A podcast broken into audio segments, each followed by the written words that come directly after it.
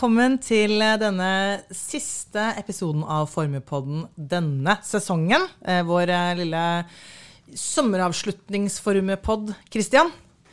Vi er veldig klare for det. Vi er veldig klare for det. Vi er litt klare for sommerferie, Vi har brukt kanskje. uvanlig tid på å komme i gang i dag. Vi har diskutert alt fra de nye kostholdsrådene til eh, ja, gud vet hva. My, mye rart. Tatt litt tid. Eh, men i hvert fall I dag, siden det er eh, si, semesteravslutning, så blir jo på en måte hovedtema å gå igjennom hva, hva trodde vi om 2023, og hva, hvordan har det gått så langt. På slutten av året skal vi selvfølgelig ha den store fasiten, men eh, vi må ta en liten sånn check-in nå også.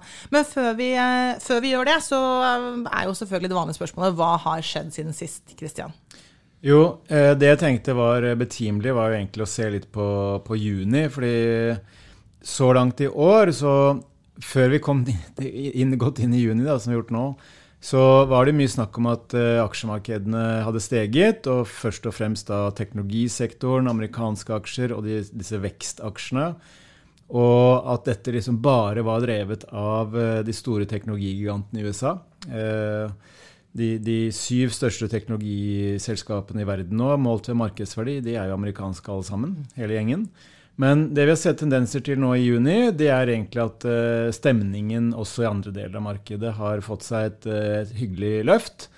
Og uh, ikke minst så preges jo mye av det man kan lese om i avisene nå, om hvorvidt vi er inne i et nytt bullmarked. Fordi Ah.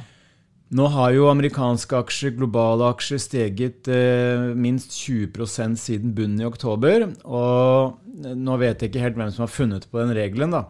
Men det sies jo at et nytt nytt bullmarked, altså en oppgangsperiode, begynner når det har steget eh, 20% fra bunnen, og stopper da og går over i et bear marked, altså et bjørnmarked, eh, når det har falt 20% fra toppen. Ja. Så det mange lurer på nå, det er jo Er vi liksom ferdig med krisen i markedene, og skal dette liksom bli et nytt og sterkt eh, bullmarked? Og det Derfor så tenkte jeg at det var også greit at vi snakket litt om det. For det skal du også komme litt tilbake til senere, ikke sant? Vi kommer sånn- litt tilbake til det. Ja. Men for å oppsummere litt sånn markedsutvikling for juni, da, bare for å ta med det, så har jo disse eh, teknologigigantene de har fortsatt å, lede an i feltet. Eh, og denne Fang pluss-indeksen som vi også har snakket om eh, før, som da inkluderer bl.a. Facebook og Apple og Amazon, eh, Alphabet, eller som da er Google, og, Tesla, Nvidia osv., eh, opp eh, over 9% bare i juni alene. Men vi har også sett en ganske kraftig rekyl i emerging markets-aksjer. Eh, og det har også vært med god hjelp fra kinesiske aksjer, som endelig har fått litt eh, luft under vingene. Eh, men det, at, at denne oppgangen har blitt noe mer balansert da, og ikke er så teknologidominert som det det har vært før i år, det ser vi også i at eh, verdiaksjer, som da gjerne inkluderer industri, materialer, energi, bankfinans, eh, også er opp 6 eh, siden eh, månedsskiftet. Så det har vært helt klar, et helt klart eh, skifte i, i stemningen. Oljeprisen er opp nesten 5% så langt i juni, etter et eh, ganske langvarig fall nedover. Så alt dette her tyder egentlig på at eh, frykten for resesjon, frykten for at inntjening i næringslivet skal få et stupdykk, eh, den frykten har blitt eh, ganske mye mindre. Til tross for at eh, sentralbankene fortsetter å signalisere at de ikke er ferdig med å heve rentene. Og det kommer vi også litt tilbake til. Ja. Men eh, jeg må jo også ta med at eh, i juni nå så har vi jo sett noe som vi aldri i verden trodde skulle skje igjen. Okay. Og det er jo at krona styrker seg. så eh, krona styrker seg både mot euro og mot eh, dollar. Hvor Eh, mye er det Nei, snakk Vi snakker om eh, 4 mot eh, dollar Ja. og et par prosent mot eh, euro. Ehm, og det henger litt sammen med bedring i risikoviljen. Da pleier eh, krona å styrke seg, og det samme med oppgang i oljeprisen. Det pleier vi å gjøre vidunderverker. Mm. Men vi har også en annen sånn pengepolitisk forklaring her, fordi at eh, det er eh, mange som tror at f.eks. Den europeiske sentralbanken eh, de kommer til å ha mer igjen på renteøkninger enn det man vil kunne ha i USA. Eh, og når risikoviljen også stiger, og vi vet at verdiaksjer, som da gjerne dominerer mer markedene utenfor USA enn USA, får en, en liten sånn renessanse nå i juni, så kan det være med på å trekke penger ut av dollaren, og, og det svekker jo da eh, dollaren. Så kombinasjonen der er nok en, en sånn grei forklaring på hvorfor krona styrket seg litt. Ja. Men uh, Det er gode nyheter, da. ja, ja, Ja. På, på sett og vis. Det kommer jo an på hvordan man ser det. fordi en sterkere krone det er jo negativt for avkastningen for oss nordmenn som har amerikanske eller globale europeiske Ja. aksjefond. Eh, men for Norges Bank så kan dette bli en sånn hyggelig greie. fordi en sterkere norsk krone det kan jo være med på å dempe den importerte inflasjonen til Norge. Ja. Eh, Men eh, selv om Norge, norske krona styrker seg litt nå, så er det nok ikke nok til å forhindre Nei. at Norges Bank eh, kanskje, som noen tror nå, slår til med en dobbel renteheving. Og det rakk vi også å diskutere før vi, vi begynte å spille inn poden i dag. En dobbel renteheving det er jo da ikke 0,25 prosentpoeng renteøkning, men det er eh, 0,5 prosentpoeng renteøkning. Ja, for det, det lurte jeg på, for jeg syns det hørtes litt sånn rart ut. Hva betyr egentlig dobbel renteheving? Og det er sikkert et veldig dumt spørsmål, men at når én renteheving da er Ja, men det er egentlig ikke så dumt spørsmål, for du, du refererte jo til at du sitter i banken, og så sier rådgiveren din at eh, vi må heve renta med 0,25% Ja, da blir jeg jo kjempesint. Ja, for... jeg blir veldig glad hvis, hvis han faktisk mener at det er 0,25% de skal eh, øke med. Ja, for- Men 0,25 prosentpoeng, som jo er noe helt annet. Yes, for hvis du har en boliglånsrente på 4 da, mm. og rent, den renten skal økes med 0,25% det er jo ingenting. Nettopp. Det er jo fantastisk. Ja, så det er jo helt good. Ja. Nei da, men ok, så en dobbel renteheving da, av, eh, av renta, det er da 0,5 prosentpoeng. Helt korrekt. Nettopp. Eh, bare for å oppsummere litt sånn makrobilde også, så har vi fortsatt å se sterke arbeidsmarkeder både i USA og i eurosonen, Europa. Eh, og i kinesisk økonomi så har det gjennomgående, gjennomgående vært en del skuffende tall. Men det er liksom ingen store sjokk som har kommet verken i juni eller for så vidt så langt i år på makrofronten. Og det er med på å dempe den umiddelbare frykten for, for resesjon. Så, så nøkkeltallene i juni de har ikke, noe har ikke vært noen sånne voldsomme suksesshistorier, men heller ikke vært noen store skuffelser. Og da er ikke det nok skuffelser til å forhindre at markedene stiger. Ja. Jeg gleder meg til vi liksom ikke har resesjon som en sånn overhengende sak hele tiden. Jeg føler at første halvdel av den tiden vi har spilt inn Formepodden, så var det veldig, da var det mørkt, da var det resesjonsfare, resesjonsfare. Og nå er det sånn ja, nå er det ikke, det er ikke så overhengende fare. Vi tror kanskje, vi er ikke, vi er ikke ferdig med det ennå. Nei, jeg, jeg syns beskrivelsen din er ganske god. Eh, eh, det, det som har overrasket mange, er at den ikke har kommet ennå. Ja. Fordi rentene har jo steget mer enn noen gang siden begynnelsen på 80-tallet, og da endte man med to resesjoner på rad. Ja. Eh, men i, i mitt hode, så er vi, som du også sier, så er vi ikke ferdig med det her ennå. Fordi Ja, vi kommer litt tilbake Ja, til det. ja. Eh, så, så, så tar vi ikke liksom eh, storylinen med en gang. Vi lar, lar den hvile litt. Skal vi da gli videre inn i liksom dagens hovedtema, da? Fordi um, vi, eh, vi startet jo året selvfølgelig med noen, med noen spådommer. Hva trodde vi, eller hva trodde du, om 2023? Og som sagt, det er jo når året er over at vi virkelig får oppsummering oppsummeringen og se hvor, hvor god du var. Men, eh, men enn så lenge så er det interessant å se liksom, hvor, hvor er vi hen nå. Og um, det var eller jeg skal bare lese opp det var fem punkter, fem ting du trodde om 2023. Eh, nummer én, eh, høy resesjonsfare i USA og Europa var et tema. To, bedring i kinesisk økonomi. Tre, ny oppgang i energi- og matpriser? Spørsmålstegn. Fire, inflasjon og renter kilde til uro i finansmarkedene. Og fem, et bedre år for statsobligasjoner. Så da begynner vi med dette med, eh, som vi jo nettopp også nå så vidt har touchet innom, høy resesjonsfare i USA og Europa. Christian.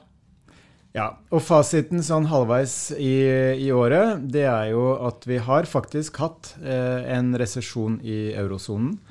eh, en såkalt teknisk resesjon, vel å merke. Okay. Hvor man har hatt da to kvartaler på rad med negativ BNP-vekst. Som i veldig stor grad skyldes eh, tysk økonomi. Og eh, slik sett så har man jo for så vidt hatt rett på at det ble en resesjon i, i At resesjonsfaren var høy. Men det har på, på overhodet ikke vært noen sånn dyp økonomisk krise i Europa, selv om man har hatt denne relativt svake veksttakten. Fordi eh, økonomien viser egentlig styrketegn på flere områder. Jeg nevnte dette med arbeidsmarkedene. Man ser høy aktivitet i servicesektoren. Bare tenk på reiselivsnæringen nå. Lever jo ganske gode tider på, på, på forbruksvillige europeere og nordmenn og svensker osv. Men når det gjelder USA, så Jeg bare stoppe ja. deg der, fordi jeg bare ble veldig nysgjerrig nå. For du sier den tekniske resesjonen i, eh, i eurosonen skyldes i stor grad tysk økonomi. Kan du si noe mer utfyllende? Hva er, det, hva er det som har skjedd i Tyskland? Hva er det de driver med? Nei, Tysk økonomi har jo også øh, slitt øh, fordi tysk økonomi er en veldig industriorientert økonomi. Nettopp, ja. Som også er øh, avhengig av bl.a. eksport til, til, Kina. Og vi vet også at tysk økonomi ble preget av den energi de energiutfordringene som man så i, i, i vinter bl.a., og hvor en del av industrien måtte redusere kapasitet osv. Og vi vet også at uh, tysk økonomi er, er, også følsom for de renteøkningene som har kommet. Uh, så man ser at uh, men, men, igjen, det er ikke noe jeg skal ikke si at det er noe økonomisk krise i Tyskland heller. Fordi tallene er relativt moderate, ja. selv om de da er på den negative, negative, siden. Det er kanskje derfor du kaller det også at det er en teknisk resesjon. Det høres ut som det er sånn ja, ok, da. Det er noen som har funnet ut at to kvartaler på rad med negativ BNP-vekst i en resesjon. Ja. Men, men, det er jo ingen ekte resesjon i mitt hode, med mindre man ser liksom kraftig tilbakegang i forbruket, i aktiviteten i økonomien, stigende arbeidsledighet, at ting liksom baller på seg. Ja. Og det har man ikke sett på samme måte. Eh, I USA så har vi ennå ikke hatt noen omfattende resesjon eller økonomisk eh, krise. Uh, og igjen så preges dette uh, igjen av for, forbrukerne, som fortsetter å bruke penger. Man ser god aktivitet i, i servicesektoren. Man ser tegn til at boligmarkedet er litt sånn i, i bedring. Uh, så vi kan ikke si at USA har hatt noen resesjon ennå.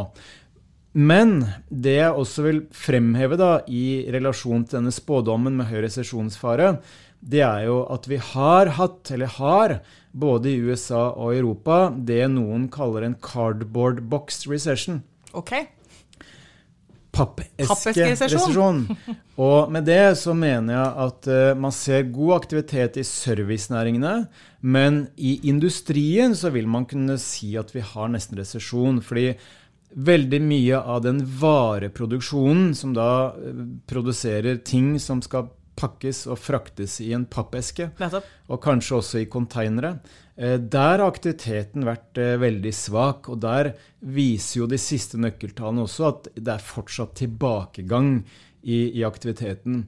Så det har vært en det, det, er også noen omtaler som, som, en sånn rolling recession. At man ikke har en resesjon i alle deler av økonomien samtidig, men at man har i noen deler av økonomien og så flytter dette på seg eh, litt eh, etter hvert som man, okay. man, går.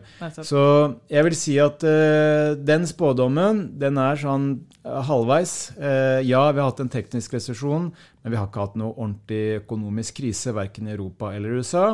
Men vi har en resesjon i industrisektoren, kan vi si.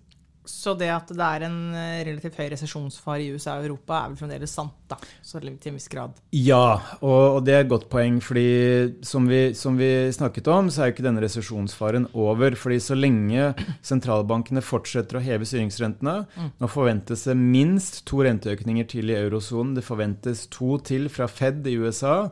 Så det er klart dette vil begynne å bite inn i økonomien etter hvert. Mm. Og spesielt da gjennom 2024, hvis eh, både bedrifter og husholdninger i større grad må refinansiere lånene sine, så vil det skje til høyere rente, og da kan det også bite inn i forbruket og investeringsviljen. Yes, Da går vi til spådom nummer to. Bedring i kinesisk, kinesisk økonomi. Hvordan ser det ut, Christian? Jo, eh, når vi laget disse, disse spådommene i november-desember i fjor, så var det jo ennå ikke helt fullstendig klart at eh, kinesiske myndigheter nesten over natta ville fjerne alle koronarestriksjoner. Eh, men når de da bestemte seg for å gjøre det, så var det jo veldig mye ståhei, og det snakket jo vi også om om at dette kom til å skape en gigantisk boost for kinesisk økonomi. At det ville eh, gi bølger inn i energimarkedene gjennom økt etterspørsel etter olje og, og, og råvarer og alt, hele, hele sulamitten. Uh, og det så man faktisk tendenser til da umiddelbart etter gjenåpningen i første kvartal. Uh, men det man har sett da nå inn i andre kvartal, er at den gjenåpningen nesten, nesten har stoppet opp. Uh, og at det er si, skuffelser på, på, rad og rekke når det gjelder kinesiske nøkkeltall. Mm. Og, og, det er flere grunner til det. det. For det første så vet vi at Kina er en ganske eksportorientert økonomi. Nettopp cardboard boxes. Yes. Og når da etterspørselen etter cardboard boxes fra Europa og USA blir mindre, så tynger det industriaktiviteten i, i Kina også. Eh, vi vet at eh, økonomien gjennomgående er preget av mye gjeld. Uh, og det vi også har sett, er at investeringsviljen f.eks. i eiendomsmarkedet, både blant eh, lokale myndigheter, som gjerne driver mye av den infrastrukturutbyggingen, eiendomsutbyggingen, den har vært eh, veldig svak. Mm. Og vi ser også at eh, kinesiske forbrukere også har vært veldig sånn, skeptiske til å investere mer i, i eiendom. Og så har man også denne geopolitiske situasjonen, hvor man ser at veldig mange vestlige multinasjonale bedrifter de gjør nå grep for å redusere sin eksponering mot eh, geopolitisk risiko i, i Kina. Okay. Eh, og det fører til at kapitalbevegelsene inn i kinesisk økonomi fra vestlige bedrifter har blitt mye, mye mindre. Så, så, alt dette her eh, Det fins også en del andre faktorer, men det er kanskje det viktigste. Så oppsummeringen da er på dette bedring i kinesisk økonomi at det så ganske bra ut i starten. Nå står den seg ikke helt, men det gjenstår å se hva fasiten blir da ja. eh, i desember. Ja, fordi det man ser konturene av nå, det er jo at kinesiske politikere er eh, såpass bekymret for utviklingen at de nå lanserer en god del stimulanser. Nettopp, så hvis de stimulansene da virker, som det også er spørsmålstegn rundt, så vil vi nok få et bedre år for kinesisk økonomi i år enn det vi fikk i fjor, nesten uansett. Så jeg la ikke hodet veldig mye på blokka eh, i denne spådommen. Nei, Det blir spennende. Så er det nummer tre, eh, og det er jo da et, eh, et spørsmål. Ny oppgang i energi- og matpriser? Spørsmålstegn. Det er eh, nok den største bommerten eh, så langt. Ja. Eh, fordi vi har sett at oljeprisen, energipriser, gasspriser i Europa f.eks.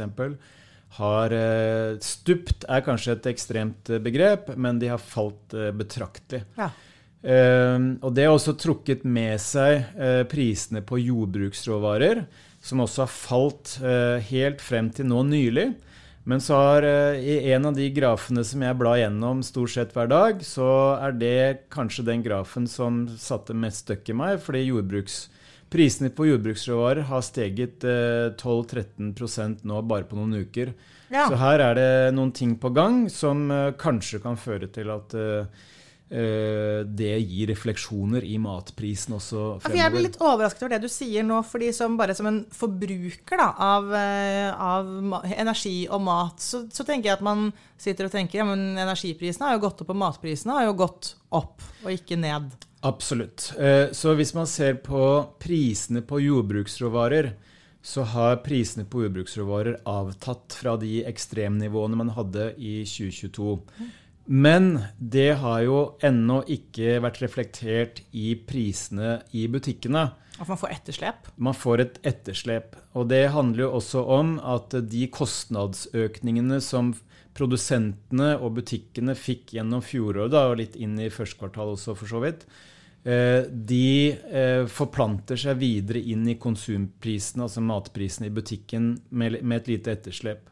Eh, fordi Prisveksten på matvarer er jo noe av det som f.eks. har vært den viktigste inflasjonsdriveren i Europa nå eh, så langt i år, eksempelvis. Men Kan vi håpe at det nå bremses, at vi liksom har nådd et slags Ja, men nå, begynner, nå har jo de, de jordbruksråvareprisene steget igjen. Da, så spørsmålet Å ja, det var det du sa. hva, hva er de viktigste drivkreftene for det?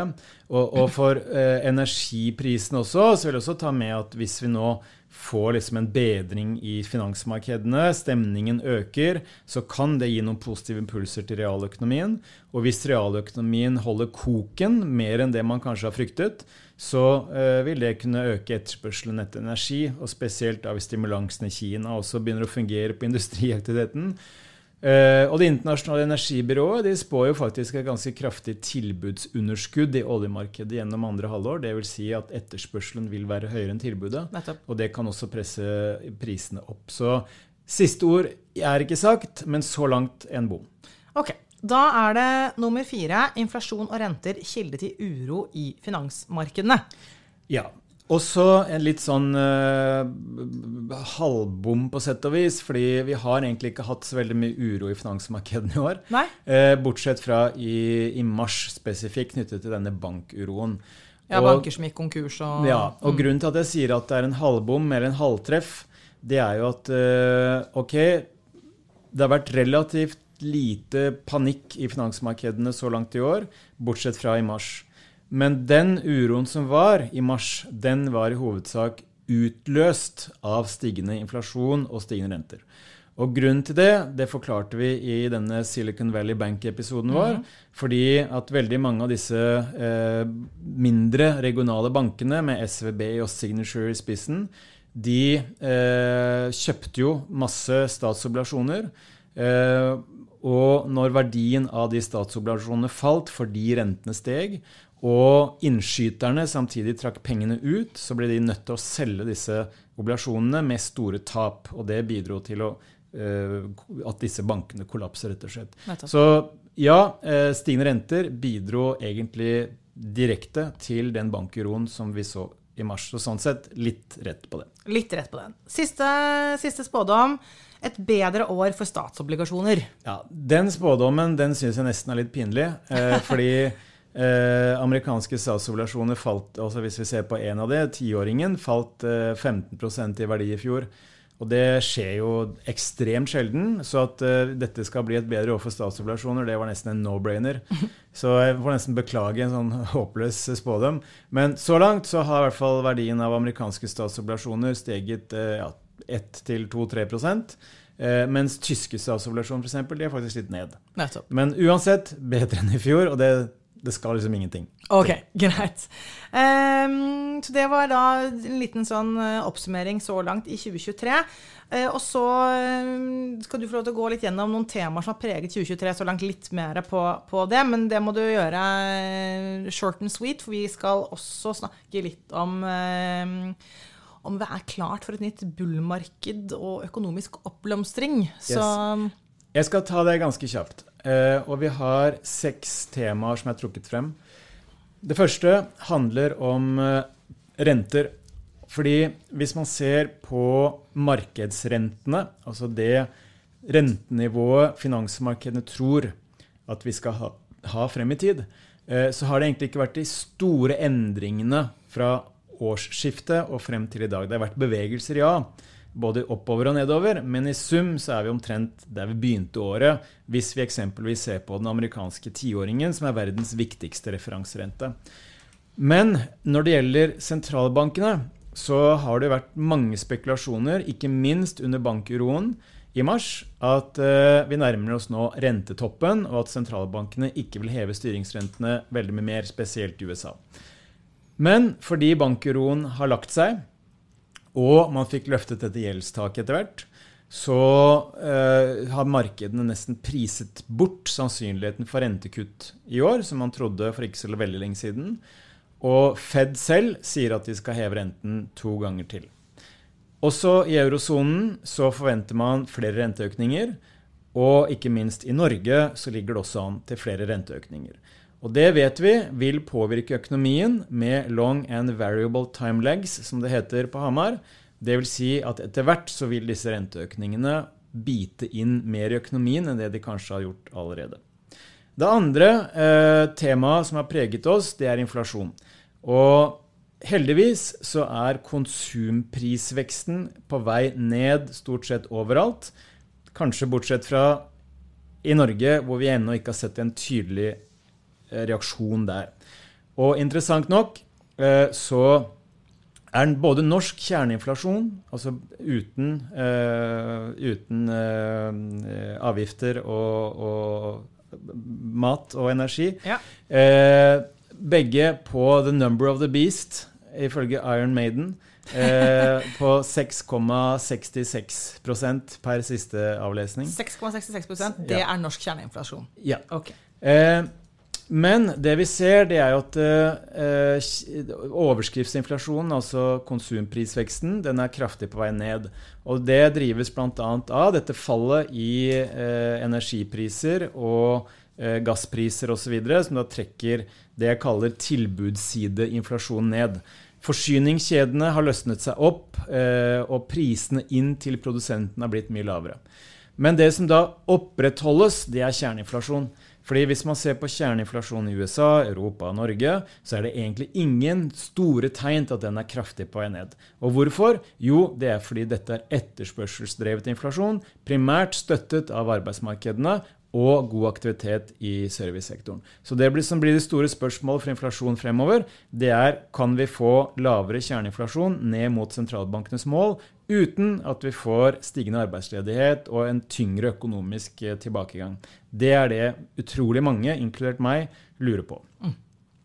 Mm. Det tredje har vi vært litt innom, og det er bankuroen i mars. Og Da var det frykt for at vi skulle få en ny finanskrise, en, ny, en nytt sammenbrudd i den globale bank banksektoren, men det fikk vi ikke.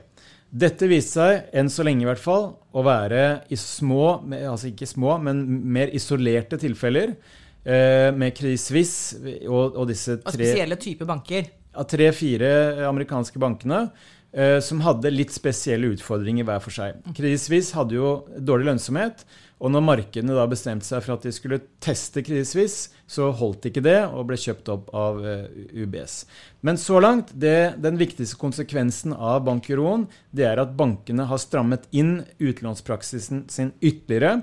Uh, jeg fikk tall i går som viste at utlånsaktiviteten i det amerikanske banksystemet den ser ikke veldig bra ut. Det er ikke noe sånn totalt sammenbrudd, men det er avtagende utlånsaktivitet.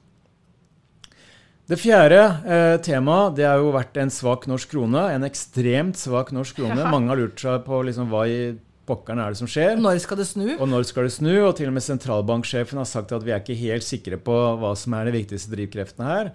Eh, men eh, de viktigste liksom, tingene vi sånn, tradisjonelt kan trekke frem, det har jo vært økonomisk usikkerhet, Uh, usikkerhet til dels i finansmarkedene, fallende oljepris, rentedifferanse mot utlandet som er blitt tilnærmet null, uh, en del sånn kronesalgsaktiviteter fra uh, Norges Bank selv, og også at mange investorer kanskje ser på norsk økonomi som veldig fossil fossilt avhengig, og at det kan være eh, med på å, å gjøre krona strukturelt mer svak enn det ja. den har vært uh, før.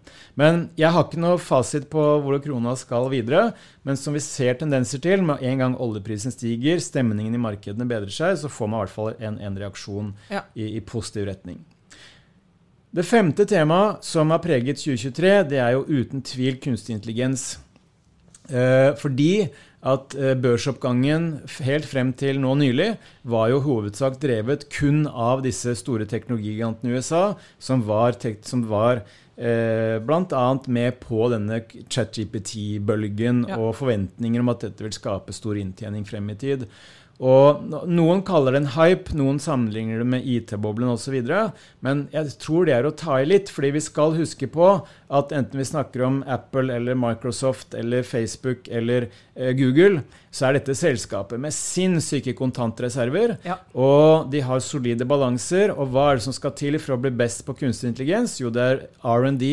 Ja, ja. Research and Development.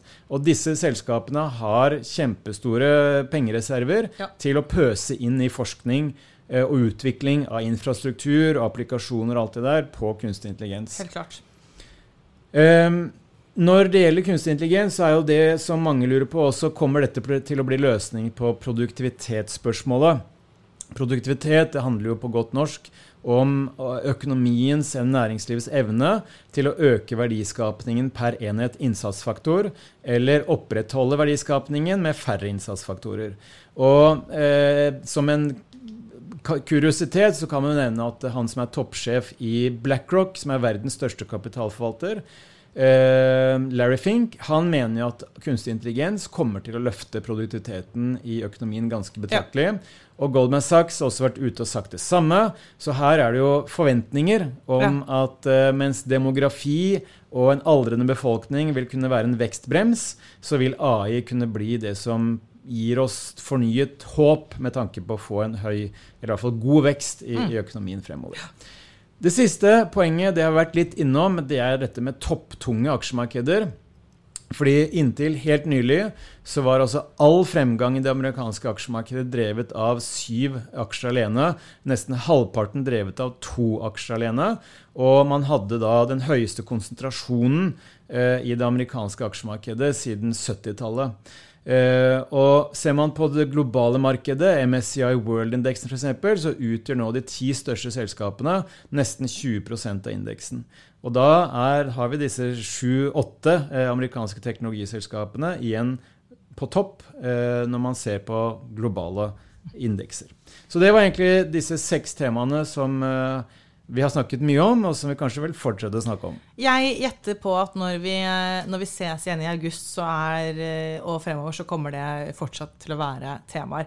Da Christian, eh, er da spørsmålet er, nå, er, vi, er det klart for et nytt bullmarked og økonomisk oppblomstring? Ja, og, og, det er det jo eh, mange som skriver og, og snakker om om dagen. Hvorfor det?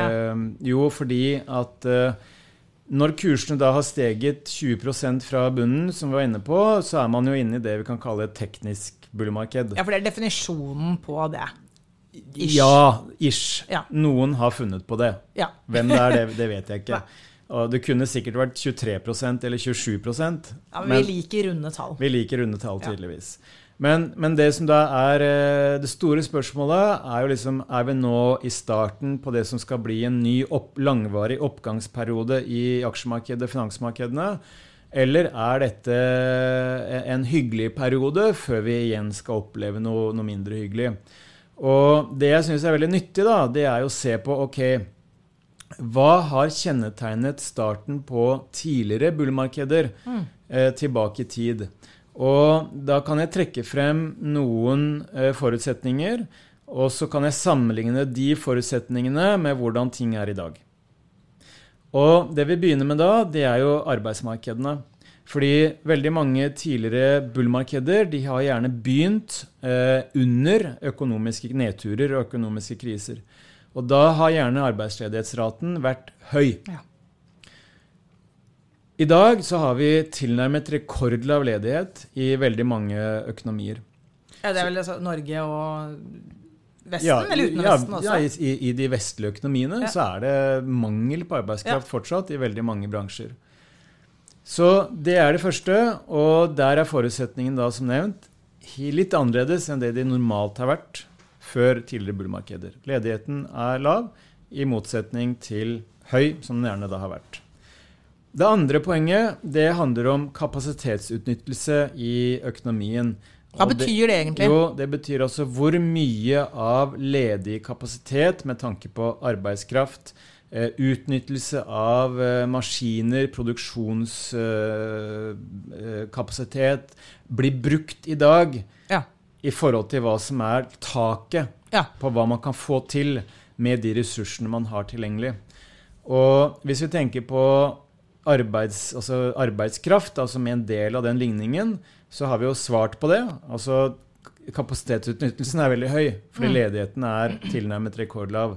Men hvis vi ser på kapasitetsutnyttelsen i industrien, f.eks. i Tyskland eller USA, så er den eh, på omtrent gjennomsnittlige nivåer historisk, dvs. Si relativt høy. Mm. Og langt eh, høyere enn det den har vært under tidligere økonomiske resesjoner eller kriser.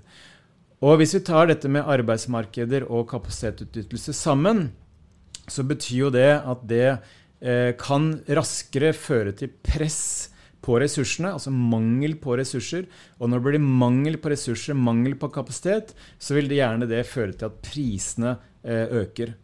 Og det bringer meg til punkt nummer tre, som da handler om inflasjon.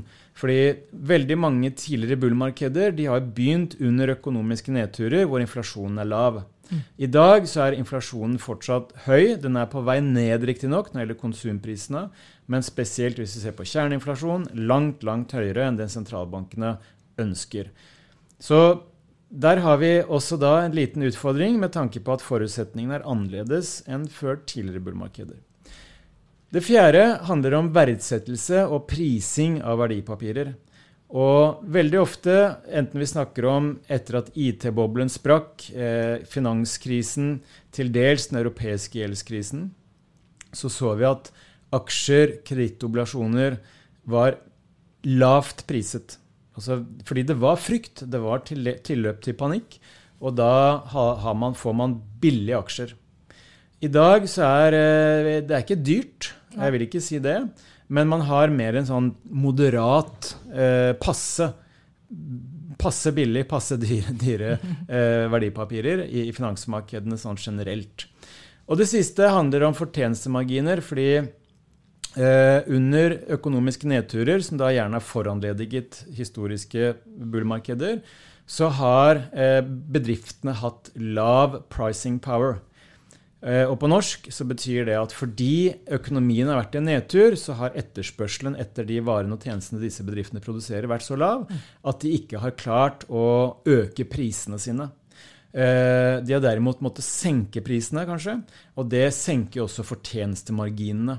Så det man da ser i dag, det er ikke lave fortjenestemarginer, sånn som man normalt ser under kriser, men de, de er relativt høye fortsatt. Og det gir mindre rom fremover for at bedriftene skal kunne øke fortjenestemarginene sine, øke lønnsomheten, og at det skal bli en viktig drivkraft for aksjekursene f.eks. Så hva er konklusjonen din da? Er det en slags tja?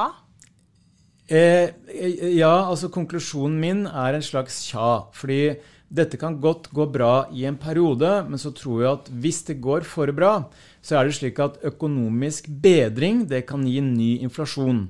Ja. Og vi vet også at hvis vi får økonomisk bedring, og kanskje også litt uh, sånn sticky inflation igjen, så vil det kunne gi enda høyere renter. Ja. Og enda høyere renter, det øker igjen sannsynligheten for et økonomisk tilbakeslag, fordi det øker finansieringskostnadene for husholdninger og bedrifter. Og så er det også slik at Hvis man har tro på at dette bullmarkedet skal drives av eh, rentekutt og lavere renter, så er det jo også historisk sånn at sentralbankene de kutter normalt ikke rentene uten at man får økonomisk trøbbel. Og hvis vi får økonomisk trøbbel, så er det også vanskelig å se for seg at inntjeningen og fortjenestemarginene skal stige. Så jeg vil si at eh, Økonomisk styrke fremover det vil helt klart kunne være en positiv drivkraft for finansmarkedet en stund. Men det vil også kunne løfte rentene, presse press i økonomien, og dermed begrense hvor bra dette kan gå, og hvor lenge det kan gå bra. Og skulle vi få en resesjon, så vil det helt klart svekke lønnsomheten. Men det vil også senke rentene, det vil senke fortjenestemarginene, det vil senke kapasitetsutnyttelsen, det vil senke sysselsettingen.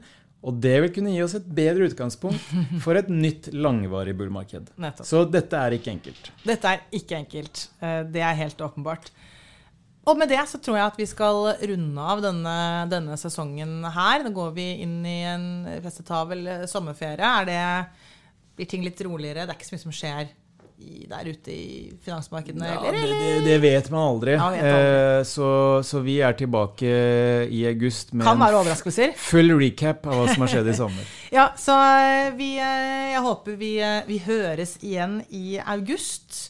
Sånn ca. midten av august kommer vi tilbake igjen. Og selvfølgelig så kommer vi til å kjøre på en ordentlig oppsummering også på slutten slutten av året på hvordan, hvor god Christian egentlig var på sin spådom. Det Kan hende du treffer på alt, selv om noen ikke var så bra akkurat nå. Bommer helt sikkert på noe, eh, men ikke på andre ting. F.eks. den spådommen på bedre år for statsoperasjoner. Den skal det godt gjøres å bomme på. Eh, jeg vil også bare plugge eh, et webinar som vi skal spille inn nå om ikke så lenge. Niklas Hiller, som er investeringsdirektør i Formue. Mm. Og, og, jeg skal spille inn et webinar som da det er mulig å se på neste fredag. ikke førstkommende fredag, men neste fredag. Det er 30. juni. Ja, det er førstkommende fredag. Sorry. Her skjedde produsenten ved siden av meg. Så er det fredag. ikke 30. juni, da er det 23. 23. juni, ja. Nettopp. Da er det et webinar som man kan gå inn på formue.no ja. og finne linken til. 23. juni. Yes. Ok, god sommer. Takk for, eh, takk for følget så langt, og til deg, Kristian, og ikke minst til, deg som, ja, og til deg som lytter.